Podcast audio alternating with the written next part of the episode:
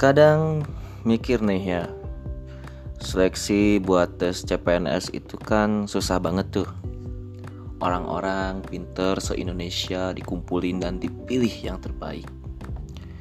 Orang yang kepilih begitu kerja mikir keras gimana buat negara ini bisa maju.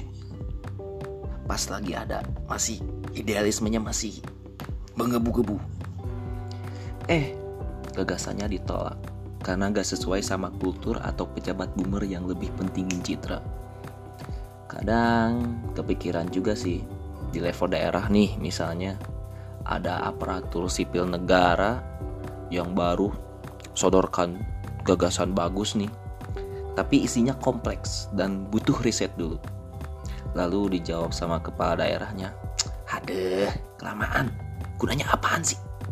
Pemilu udah deket nggak keburu buat ngecain ini.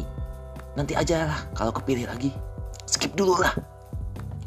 Ya terus jadi pasrah sih. Dan puas sama posisinya yang sekarang. Pelan-pelan idealismenya mati dan akhirnya ngikutin alur dan kultur yang ada. Keulang lagi deh siklusnya.